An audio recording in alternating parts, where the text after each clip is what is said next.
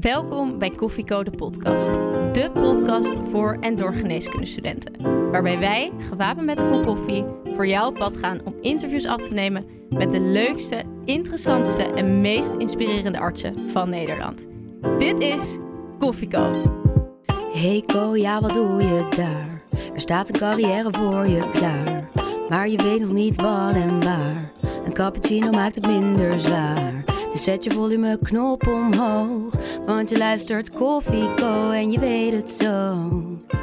Papa, papa, para. Leuk dat jij weer luistert naar Koffieko de podcast. Wij zijn Mare. en Daantje en vandaag gaan wij in gesprek met professor Dr. Michiel de Haan, interventieradioloog in het Maastricht Universitair Medisch Centrum.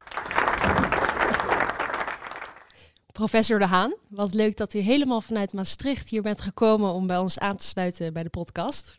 Om te praten over het specialisme de interventieradiologie. Ja, nou dankjewel. Ik vind het een eh, enorme eer om eh, van deze podcast eh, deel uit te maken. Dus ik ben zeer benieuwd hoe het gaat. Aan uw stem te horen bent u niet geboren en getogen in Limburg. Bent u naar Maastricht gekomen voor de interventieradiologie? Nee, ik, eh, ik kom uit Den Haag. Ik heb gestudeerd in, eh, in Leiden en eh, ben toen na een aantal jaren chirurgie ben ik uiteindelijk voor mijn opleiding radiologie in Maastricht beland. En met eigenlijk met van tevoren dacht ik van nou, dan ben ik na zes jaar weer weg. Maar ik zit er na bijna nou, meer dan 30 jaar zit ik er nog steeds. Kijk aan. Geen Limburgse G in ieder geval. Nee, Over het beloop van uw carrière gaan we het zo hebben. Maar we moeten, voordat we daaraan beginnen, eerst weten hoe u uw koffie eigenlijk drinkt.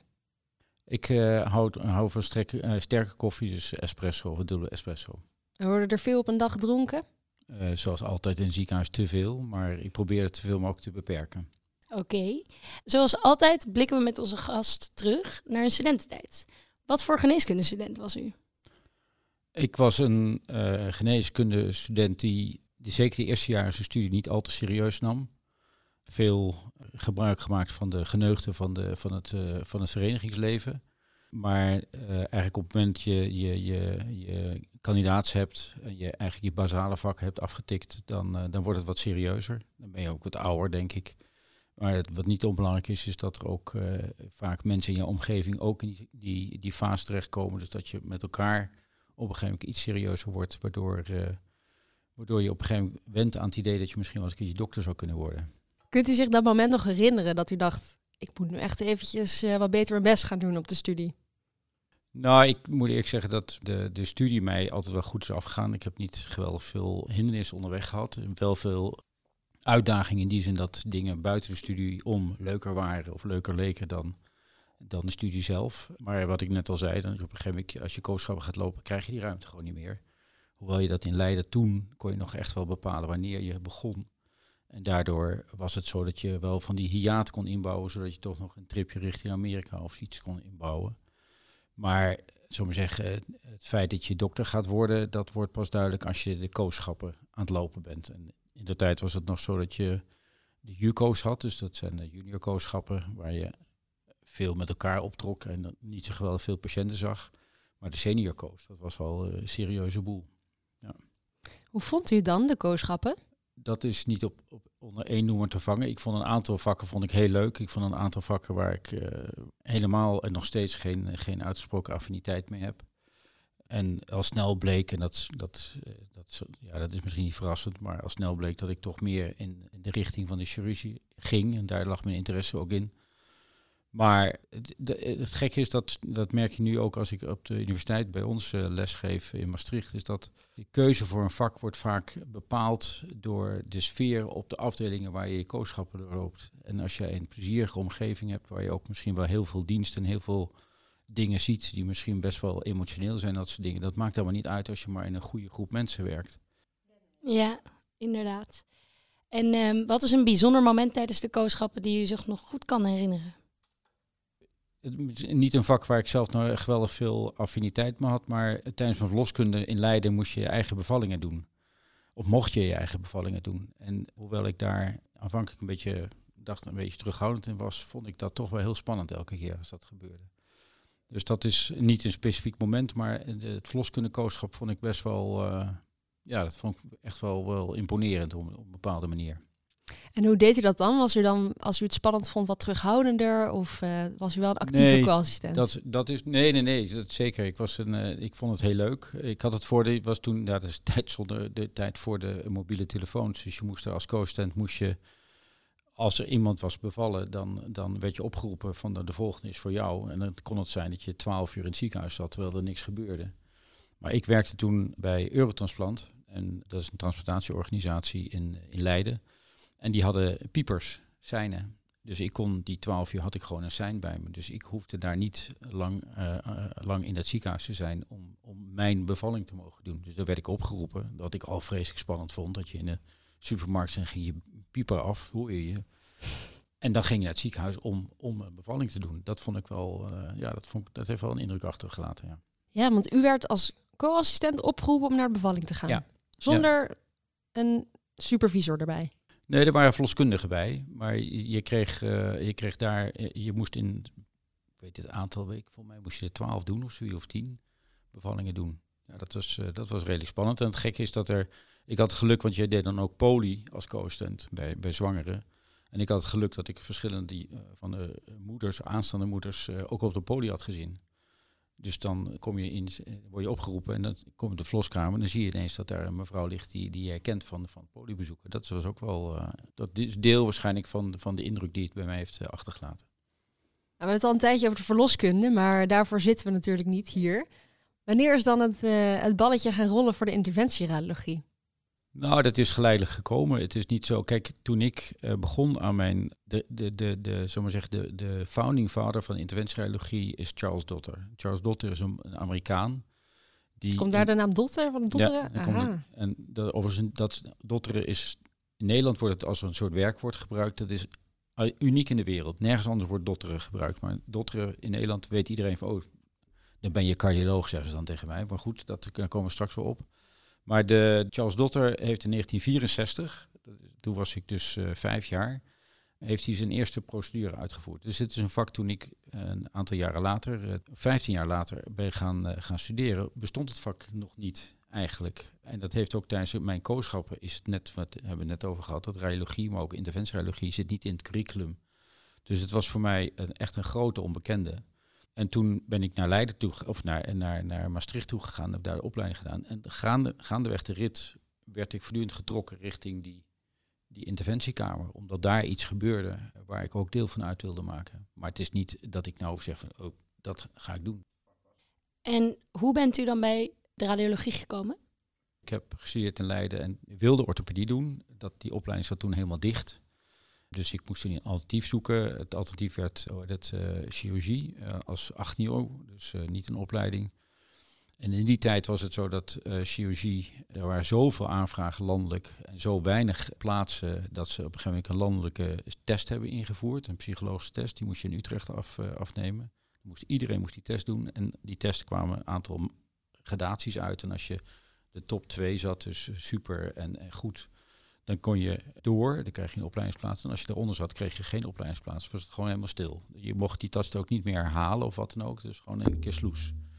Dus een selectie gebaseerd op je psychologische kunde. Nou, er zaten wel dingetjes. Het, het was die test zelf was geënt op, de, op een pilotentest van, eh, van KLM. Dus er zat ook wel wat he- handvaardigheden bij. Stressbestendigheid werd getest, dat soort zaken meer. Maar ook testjes zoals wij allemaal kennen. Als een radertje zo draait, welke richting dra- ra- draait het radertje die kant op. Dat zat er ook allemaal in. Maar het is inderdaad zo dat, dat je dus wordt afgewezen of wordt eh, toegelaten op basis van een, een test waar geen eh, geen chirurg of ander medicus bij betrokken is. Toen die test voor mij dus negatief uitviel, viel het ook wel rauw op mijn dak. Want ik werkte op dat moment bijna 2,5 jaar in de chirurgie. En dat ging eigenlijk wel heel goed.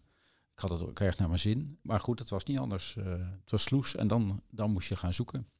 En toen ben ik gaan zoeken en toen vond ik eh, uiteindelijk radiologie in Maastricht.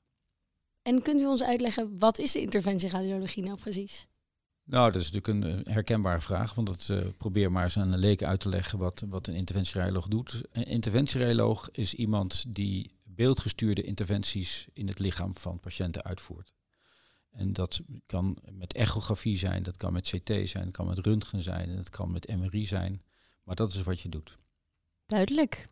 We gaan het er straks uitgebreid over hebben. Maar eerst komt nog het gevreesde item, de specialistenpitch. Ja, dat, ik heb dat verschillende keren gehoord nu eh, door mijn voorgangers. eh. En toen dacht ik van ja, het is wel op zich wel interessant om te weten wat ik, waarom ik er nou zo, zo warm van word. Waarom ik het toch echt wel een, een fantastisch vak vind. Maar het is natuurlijk veel relevanter voor, voor jullie luisteraars om te weten wat jullie eigen, zullen we zeggen, generatiegenoten weten. Dus ik heb uiteindelijk heb ik met, met een paar van mijn differentianten heb ik eens een keertje heb ik een paar keer rond de tafel gezeten. Wat, zou, wat vind jij nou? Hè, waarom is het nou? Dus ik, mijn pitch die is dus een, deels een, een samengestelde pitch. Wat ontzettend leuk. In die zin dat het dus eh, met name de stem is van mijn huidige differentianten die je hoort. En niet wat ik ervan vind, want ik ben er gewoon ingerold. Ik ben heel benieuwd. De specialistenpitch. 30 seconden waarin jij de geneeskundestudenten ervan overtuigt om voor jouw specialisme te kiezen. Ja, interventieradiologie. Het is een onbekende, maar stille kracht in het ziekenhuis. Het is een jong subspecialisme. Heeft de afgelopen jaren, afgelopen decennia een zeer sterke evolutie doorgemaakt. Die ontwikkeling staat zeker nog niet stil. We hebben eigenlijk dankzij alle innovaties die erin zijn, zijn ingevoerd, hebben wij contact met alle specialismen. En doen ook voor die specialismen van alles. We behandelen acute aandoeningen zoals bloedingen, strokes, aortarupturen, maar ook chronische ziektes zoals loopklachten, kanker en prostaathypertrofie. Geen dag is hetzelfde en het is een dankbaar beroep waar we echt het verschil kunnen maken voor menig patiënt. Mooi. Eh, omvat eigenlijk alles in de, de pitch. Hij heeft eh, veel aspecten die eh, overtuigend zijn. Het eerste wat ik, wat ik dan mooi begrip vind, en zo zie ik het ook voor me, de interventieradiologie, is inderdaad die, die revolutie. Ja. Er is iets begonnen, een heel gene geneeskundige specialisme, wat is ontstaan eigenlijk door dus één man die dit hier zich op heeft gewaagd. Ja, maar dat geldt natuurlijk voor, andere, voor meerdere dingen in, in onze wereld. Uh, maar het is inderdaad zo dat, dat meneer Dotter in de tijd uh, iets heeft gedaan waar die in Amerika op het moment dat hij dat introduceerde helemaal geen gehoor vond. Dan is hij voor naar Amerika en naar Duitsland toe gegaan. En het gekke is dat toen hij in Duitsland was, in een bepaalde kliniek, toen waren er een paar uh, Nederlandse, Nederlandse radiologen, die waren daarin geïnteresseerd en die hebben toen meegenomen naar Nederland. Dus Nederland was een van de eerste landen waar interventieradiologie weliswaar op een heel bazaal niveau is begonnen. Maar het heeft wel, omdat er zoveel innovatie bij komt kijken, ook veel, veel technieken uh, bij zijn, is het, is het wel een vak wat enorm geëvalueerd is. Wat we nu kunnen, uh, wat toen ik begon, bestond de dag uit een paar dotters per, dag. En te, tegenwoordig zijn de dotters zijn in de minderheid, omdat we veel andere dingen kunnen doen. Ja, want dat het dotteren is net dan, dotteren, eigenlijk mag je er geen werkwoord van maken, maar nee. de katheterisaties, dat is uh, dus een ding. Wat, wat doet een interventieradioloog allemaal?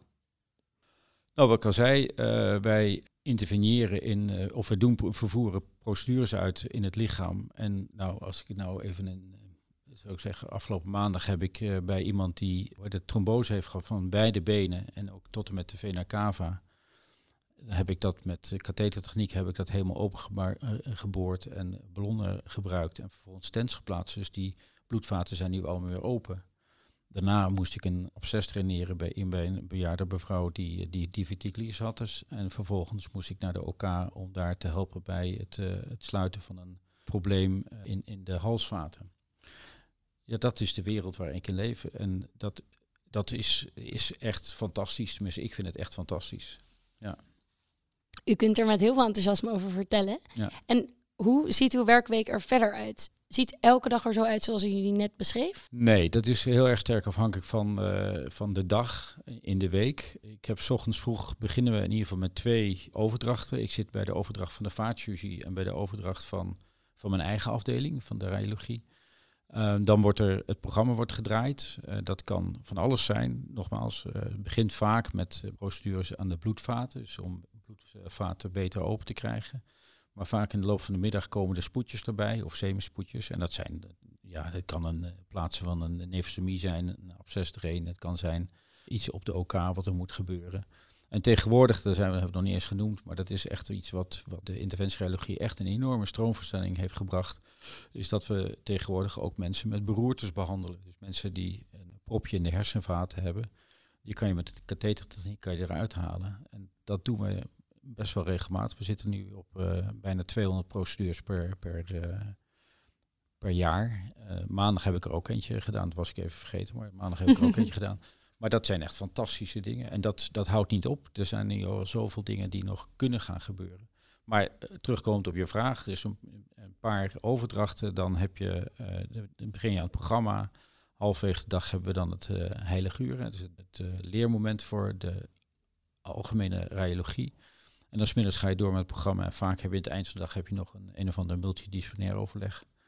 En dat is voor elke dag is dat anders. Wij hebben dan nog in Maastricht dan ook nog dat we een paar locaties hebben waar we bedienen. Dus we zitten ook in, in het Zuiderland en het ziekenhuis. Eens in de zoveel tijd. Uh, maar het is een zeer afwisselend uh, geheel. Ja, het klinkt heel afwisselend. Ja. En het klinkt ook alsof u heel veel samenwerkt met andere specialismen. Dus eigenlijk is er geen specialisme te bedenken. Ja, oogheelkunde misschien, waar we geen zaken mee doen. Eigenlijk alles, alle, alle andere specialismen zijn we, zijn we direct. Uh, dermatologie is ook nog zo eentje. Hoewel je kan ook uh, spataderen dicht uh, maken met onze technieken. Dus. Ja, en jullie zijn bezig eigenlijk met het gehele lichaam. Dus geen, ja. geen orgaanstelsel wat daar niet aan betrokken bij is. Nee, nou, er zijn wel, er zijn wel, ja, er zijn wel, wel buitenplaatsen waar we nog niet zitten. Maar ik kan me niet voorstellen dat dat niet op een gegeven moment ook, ook voor ons bereikbaar wordt. Maar als interventieradioloog een anatomieboek is, uh, is zeer gewenst, als ik het zo begrijp. Nou, dat, dat, zeker, dat geldt zeker voor, voor, voor interventieradiologen, maar dat geldt in de basis voor alle radiologen. Die moeten echt weten hoe, hoe, hoe een menselijk lichaam in elkaar steekt.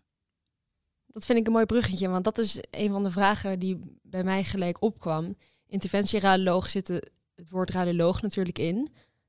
Wat zijn precies de verschillen en de overeenkomsten? Nou, de overeenkomst zit hem in het feit dat, dat wij gebruik maken van beeldinformatie. Uh, dus de, de diagnostische radiologen die maken gebruik van beeldinformatie om bepaalde scans en andere zaken te beoordelen. Wij maken op basis van die beeldinformatie die er was, vaak is het zo dat er onderzoeken van tevoren zijn gedaan, op basis waarvan er wordt gesteld van nou, dat absces daar of die, die tumor in de lever daar, daar moet iets aan gebeuren. Maar dan maak je op het moment dat je dan uh, dat absces wil draineren, dan maak je met echografie. Of als je die levertumor moet behandelen, dan moet je dat met, uh, met CT doen, met een, met een naald. Uh, is het zo dat je met gebruik maakt van allerlei technieken om, om, om erbij te komen. Dus de basis zit hem in de, in de beeldinformatie. Maar de diagnosten die blijven dan hangen in het, in het beschrijven van die beelden. En wij gaan door in die zin dat we dus die beelden gebruiken om te beslissen, we gaan dit en dit uh, voorstellen als, als procedure. En maken gebruik van onze uh, beeldmachines, echografie, MRI, CT, nou you name it, om uiteindelijk te komen tot, tot een goede uitkomst van de, van de procedure. Oké. En dit diverse vak, kun je daar ook binnen een aandachtsgebied hebben? Nou, dat, uh, ik werk in een wat grotere kliniek, daar, daar gebeurt het wel. Uh, er zijn een paar collega's van mij die hebben zich met name toegelegd op oncologische interventies. Hè, dus het, het, het wegbranden van levertumoren of schildkliertumoren, dat soort zaken meer. Maar ik heb ook een aantal collega's die zich met name toeleggen op, op, het, op het hoofd, de neurologie. Ik ben zelf vrij, ja, ik ben de oudste aan, aan boord, dus ik, ik ben nog steeds heel breed. ik vind alles ik vind alles heel erg leuk. Uh, dan moet ik wel zeggen dat neurointerventies, dat vind ik altijd wat lastiger, omdat op het moment dat het daar misgaat, dus complicatie ontstaat, heeft dat echt zeer verstrekkende gevolgen voor de, voor de patiënt. En dat vind ik iets waar, daar raak ik niet goed aan gewend. Dus dat probeer ik dan een beetje van weg te blijven. Ja, want zoals, het, zoals ik het nu hoor, zijn er veel overeenkomsten uh, wat een interventieradioloog doet vergeleken met een chirurg die minimaal invasieve operaties doet. Maar daar heb je nog een backup plan open opereren. Ja. Hoe doen jullie dat dan?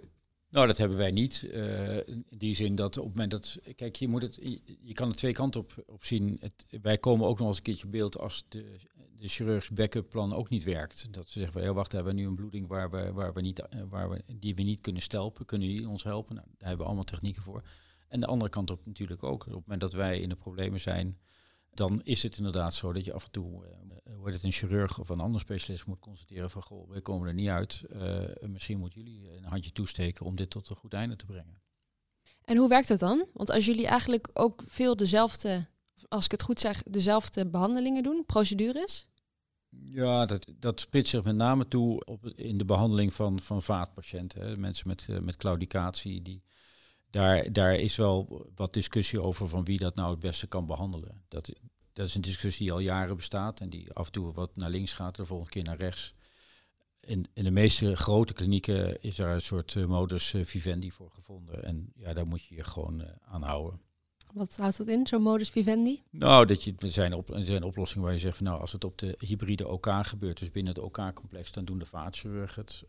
en op de vaatkamer of de interventiekamers van de afdeling radiologie doen de interventieradiologen het. Je kan ook kijken naar het soort pathologie. Als het de aorta's zijn, dan, dan kan je een klein team maken van vaatchirurgen, maar ook interventieradiologen die zich daarop toelegt. En zo zijn er verschillende structuren denkbaar om, om het voor iedereen aangenaam te houden. En vooral ook goed. Hè. Uiteindelijk, gaat het, uiteindelijk gaat het natuurlijk om de goede patiëntenzorg die je moet leveren. En je zit er niet in elkaars vaarwater. Ja, van tijd tot tijd. Maar ja, daar moet je niet bang voor zijn. Dat is iets wat, wat, uh, wat in, op vele plekken in het ziekenhuis gebeurt. En werken jullie ook wel samen? Ik, uh, ik sta met, uh, ik, ik ben veel bij de, bij de vaatchirurgische procedures betrokken. En ik kreeg net, daar was ik net zo, zo intens naar mijn telefoontje aan het kijken toen jullie mij op uh, kwamen halen wat mijn programma voor volgende week is. En daar staat mijn naam ook een paar, een paar procedures samen met vaatchirurgen op gepland. Mooie samenwerking. Ja. Heel mooi. En we hebben nu al een aantal dingen gehoord, kwaliteiten die bij een uh, interventieradioloog passen, zoals samenwerken. Volgens mij heb je ook technisch inzicht nodig. Wat zijn nog meer kwaliteiten die goed passen bij een interventieradioloog? Ik denk, nou ja, technisch, daar ben ik niet helemaal met je eens. Want uh, tuurlijk is het zo dat we gebruik maken van technieken en daar weet je wel wat de voor- en de nadelen zijn. Maar tegelijkertijd is het zo dat ik niet weet hoe een echo-machine precies werkt. Uh, of een CT-machine precies werkt, een MRI. Ik bedoel, dus wat dat betreft is het voor mij precies als een auto. Je rijdt erin en je gaat ervan uit dat het het doet. En zonder te weten welke, welke techniek daarachter ligt. Maar tegelijkertijd is het wel zo dat je moet wel weten wat, wat met bepaalde technieken kan en met bepaalde technieken niet kan. En dat is iets wat je, wat je gaandeweg de rit moet leren. Dus je moet wel een zeker technisch inzicht hebben. Je moet ook wel wat uithoudingsvermogen hebben, want er zijn procedures bij die best wel lastig zijn. Uh, technisch lastig, maar ook gewoon dat je weet dat dat, dat, dat lang kan duren. Dus dat, dat heeft wel iets. Een nadeel is, is, uh, is het feit dat het veel met röntgenstralen gepaard gaat. Dus dat is schadelijk. Hè. Zoals wij zijn, wij zien er ook al uit als een soort maanmannetje, helemaal in het lood verpakt uh, en natuurlijk steriel. Dus dat maakt, dat is fysiek, is dat nog een keertje, kan dat zwaar zijn. En wat ook speelt, het is net wel even ter sprake gekomen, is je moet ook wel tegen kunnen dat af en toe dingen niet helemaal gaan zoals je wil dat ze gaan. Dat de mensen daar echt wel uh, vervelende dingen aan overhouden. Dat is, dat, is, dat is part of the deal. We proberen, we doen ons uiterste best om dat uh, risico op complicaties zo, zo, klein mogelijk te houden. Maar het blijft een onderdeel van ons, ons van het vak. En hoe gaat u daarmee om? Uh, dat, ja, dat is natuurlijk afhankelijk van uh, het type complicatie wat er is. Uh, wat, wat heel duidelijk is, is dat als je de patiënten van tevoren ziet en, en uitlegt wat er gaat gebeuren, wat voor benadering je kiest, of het onder echo gaat, via welke lease, nou allemaal dat soort dingen. Maar ook heel goed doorneemt welke complicaties er mogelijk meespelen dan wordt het over het algemeen, als het inderdaad zover komt en, en er ontstaan complicaties, wordt het over het algemeen voor de, door de mensen in ieder geval begrepen dat het, dat het kan gebeuren. En dat maakt het wel, daar, daar, daardoor is het wel, wel, wel, kan je daar goed mee omgaan. Tenminste, kan ik daar goed mee omgaan.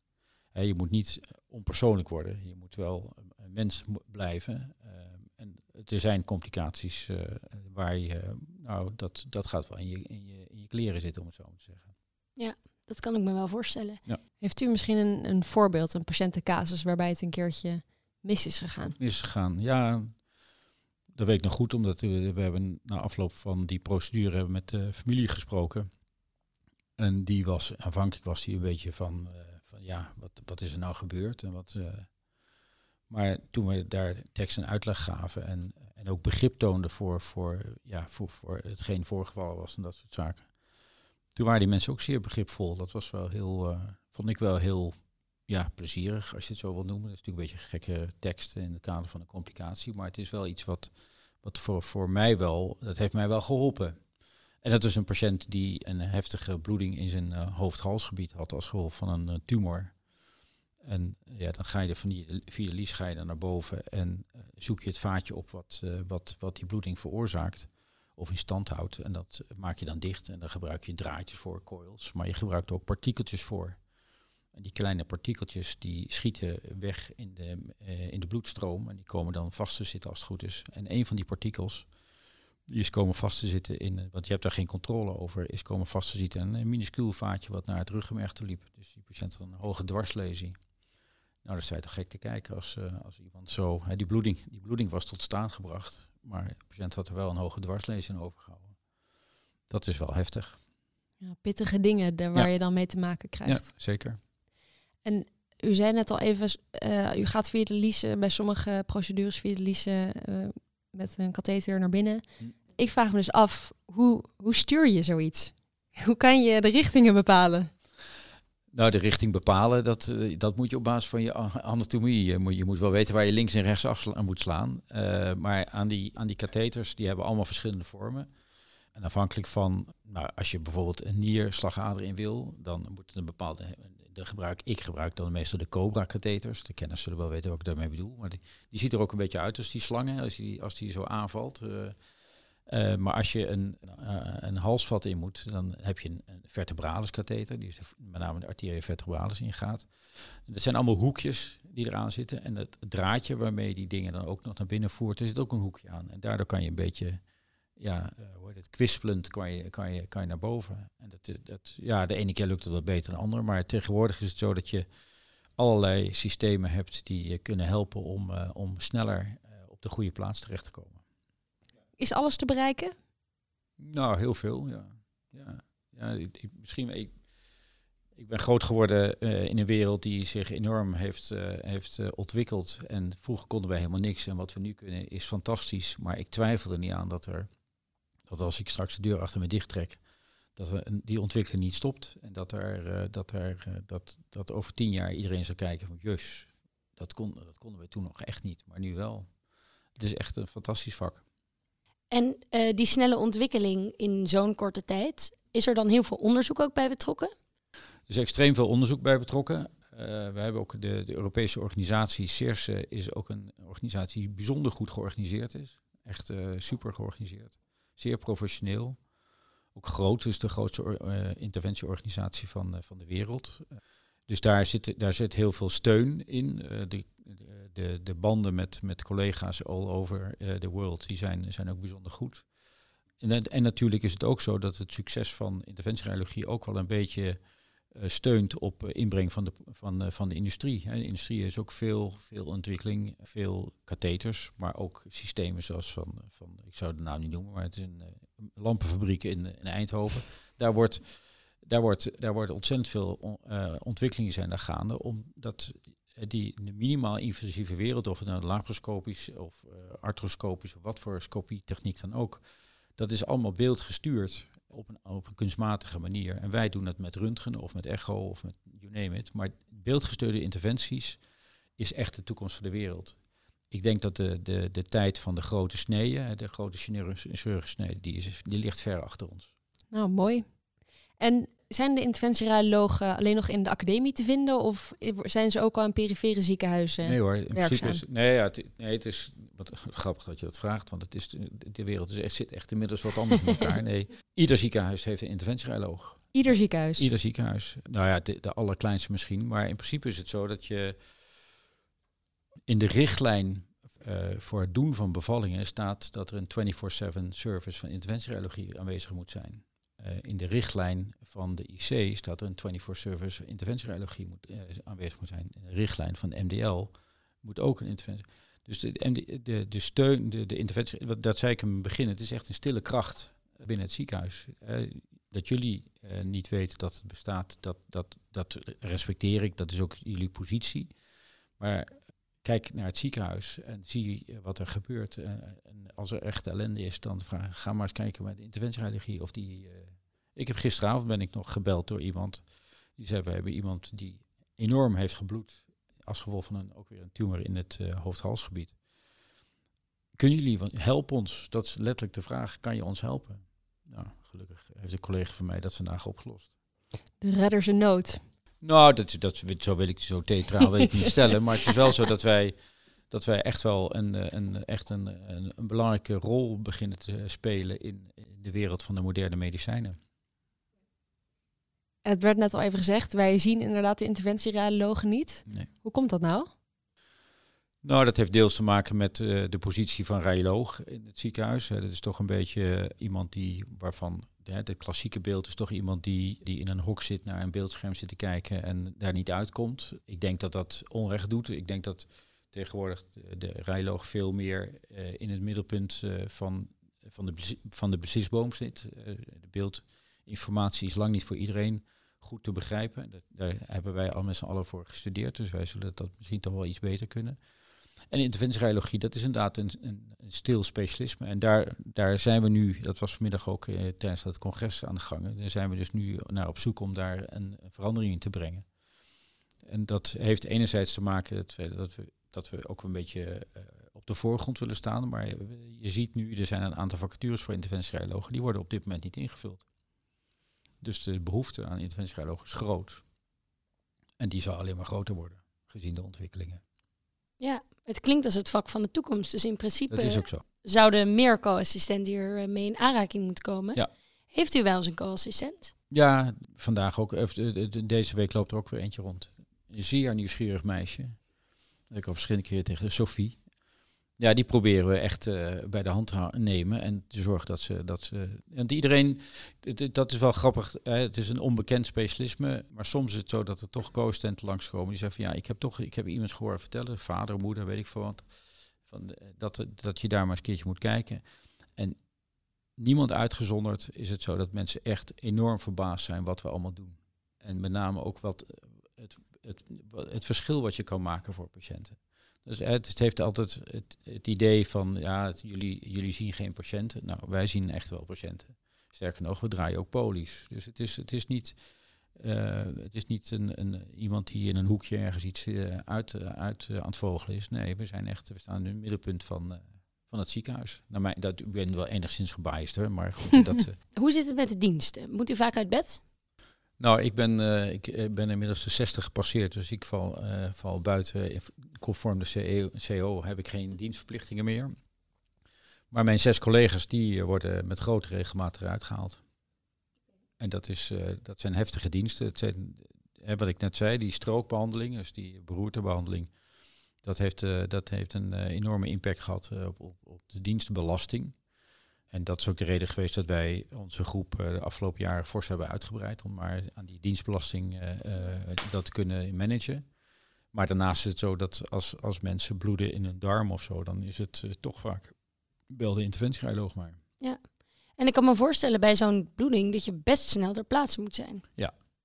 Woont iedereen dan in de buurt? Slaap je dan in huis? Nee, nou de, dat is te zeggen, de, de, de, mijn ploeg woont allemaal binnen een kwartier rijden van het ziekenhuis. Oké. En, en op het moment dat je langer dan een half uur moet gaan rijden, dan heb je wel een probleem. Dus eh, dat, dat, eh, we hebben geen echte stringente regels, maar bij ons in huis wonen we toevallig eh, allemaal wel dicht bij het Oké, ziekenhuis. dat komt mooi uit. Nee, maar het is, je moet af en toe re- rennen, ja. Dat komt voor. Hoe ziet de opleiding tot interventieradioloog eruit? Dat is vrij simpel, in die zin dat eh, de, de basis ligt nog steeds in de radiologie. Tot nu toe, en ik hoop dat eh, mijn collega eh dokter Jacobi dat mij eh, niet, niet, niet aanwrijft. Ik weet niet meer precies wat de huidige status is. Het is net geswitcht van, van opleidingsstructuur. Maar de opleidingsstructuur die ik het beste ken is, de, is een structuur waarbij de opleiding radiologie is vijf jaar. Eh hoe heet het? En dan de eerste 2,5 is gewoon basis. Dan krijg je met alle aandachtsgebieden. We hebben in principe acht aandachtsgebieden binnen de radiologie. Eh, waar interventieradiologie er eentje van is, eh, word je mee in contact gebracht. De ene wat langer dan de ander. Maar in ieder geval is het zo dat op basis van die informatie de assistenten kunnen kiezen wat ze de volgende 2,5 jaar eh, gaan doen. En daar is interventieradiologie er eentje van. En dan ben je intervent. in- Vroeger was het zo dat je dan verplicht nog een fellowship moest door- doorlopen om de status van interventieradioloog te, te behalen. Maar Ja. dat is niet meer nodig. De, je bent interventieradioloog als je je differentiatie, dus binnen je opleiding, hebt het gedifferentieerd tot interventieradioloog. Nu is het wel zo dat als je in een grotere eh, kliniek komt te werken of een academisch ziekenhuis, is een fellowship eh, strekt wel tot aanbeveling. Want dan heb je toch ne- net iets meer vlieguren gemaakt en eh, ben je net iets beter in, in je vak. Dus je differentieert je tijdens de opleiding al. Het is niet dat je eerst de vijf jaar radiologie doet, daarna differentiëren. Dat Nee. valt binnen de opleiding. Dat was, vroeger was dat wel zo, maar dat is, dat is, gelukkig is dat in elkaar gevlochten. En dat maakt dus dat mensen al... Dat, nadeel, het voordeel is dat, dat, dat, je, dat je duidelijkheid krijgt, al vrij snel. Het voordeel is misschien voor, ook voor mensen dat een deel van de radiologie wegvalt. Dat je, als je geen interesse hebt in mammografie of kinderradiologie, dan hoef je dat niet meer te doen. Eh, maar het nadeel is wel dat je, dat je heel vroeg in, het, eh, in je specialisatie een keuze moet maken. En dat, ja, soms eh, is het, blijkt dat achteraf niet de goede keuze. Dan heb je wel een probleem te pakken. En als u, want u bent dus een opleider, dus u doet mee met de Ja. sollicitatieprocedures. Ja. Waar, is- waar let u op? Wat vindt u een goede eigenschappen voor een toekomstige AIOS? Ik vind dat de, de, de, wat ik belangrijk vind eh, van een IELTS is dat, dat hij weet wat de positie is van de radiologie binnen een, binnen een modern Nederlands ziekenhuis. Dat je, dat je niet denkt, wat ik net al een beetje schet, dat, het een, een, een meneer of een vrouw is die in een of ander donker hoekje in een, eh, iets zit te doen. Maar dat het echt een, een een deel is van het, van het. Ik vraag altijd een van mijn vragen. Ik zullen veel van mijn assistenten nu gaan lachen, want als ze een, een van de vragen die ik meestal stel, waar, als je, als je, als je het medisch bedrijf als een voetbalelftal be- bekijkt, waar staat de radioloog? Welke positie? En dan is het enige goede antwoord het is centrum. Centrum middenvelder. Als ze middenveld zeggen, is dat ook wel goed. Maar dat is wel. Maar zeg niet dat je de keeper bent om, eh, om de boel af te vangen. Dat, dat is niet de, de positie. En dat geldt ook voor de interventieradioloog. Je bent, eh, eh, wij zijn als radioloog in algemene zin, maar zeker als interventieradioloog zijn wij voor de groegemeente onzichtbaar. Voor jullie zijn we onzichtbaar, dat is al een slechte zaak, maar ook voor patiënten en ook voor, voor sommige specialismen nog steeds. En dat moet veranderen. Maar dat betekent ook dat wij ons moeten veranderen. Wij, wij waren natuurlijk toch wel een beetje de, de, de meneer die eh, een leuk trucje kon. Maar wij moeten ver, verder komen. We moeten patiënten ook van tevoren zien. We moeten ze ook na afloop zien en dat soort zaken mee. Je moet je als, als dokter gaan gedragen. Dat is wel een essentiële voorwaarde om, om dit vak te kunnen blijven uitoefenen. De co-telefoon. Wij hebben een eh, co-telefoon ingestuurd gekregen via onze social media van Fleur. Fleur, hartelijk dank voor je vraag. Eh, zij vraagt zich af of je liever wel of liever geen gesprek hebt met de patiënt tijdens de ingreep. Ach, dat is een beetje afhankelijk van de procedure. De mensen zijn in principe, eh, hebben ze een lokale verdoving. Dus je kan normaal met ze communiceren. Als het pijnlijk is of als het de uitgesproken wens van de patiënt is. Maar ook als het heel lang duurt, dan hebben ze eh, meestal sedatie. Hè, dus eh, het bekende roesje of algemene anesthesie, algehele anesthesie. Maar als we, als we gewoon lokale anesthesie hebben, dan is het, vind ik het altijd wel een uitdaging om de patiënten gewoon te, blij, met die te blijven communiceren. En ik, het, het aardige is dat ik heb een hele goede ploeg collega's, ik heb een hele goede ploeg assistenten, eh, differentianten, maar ik heb echt een superploeg eh laboranten.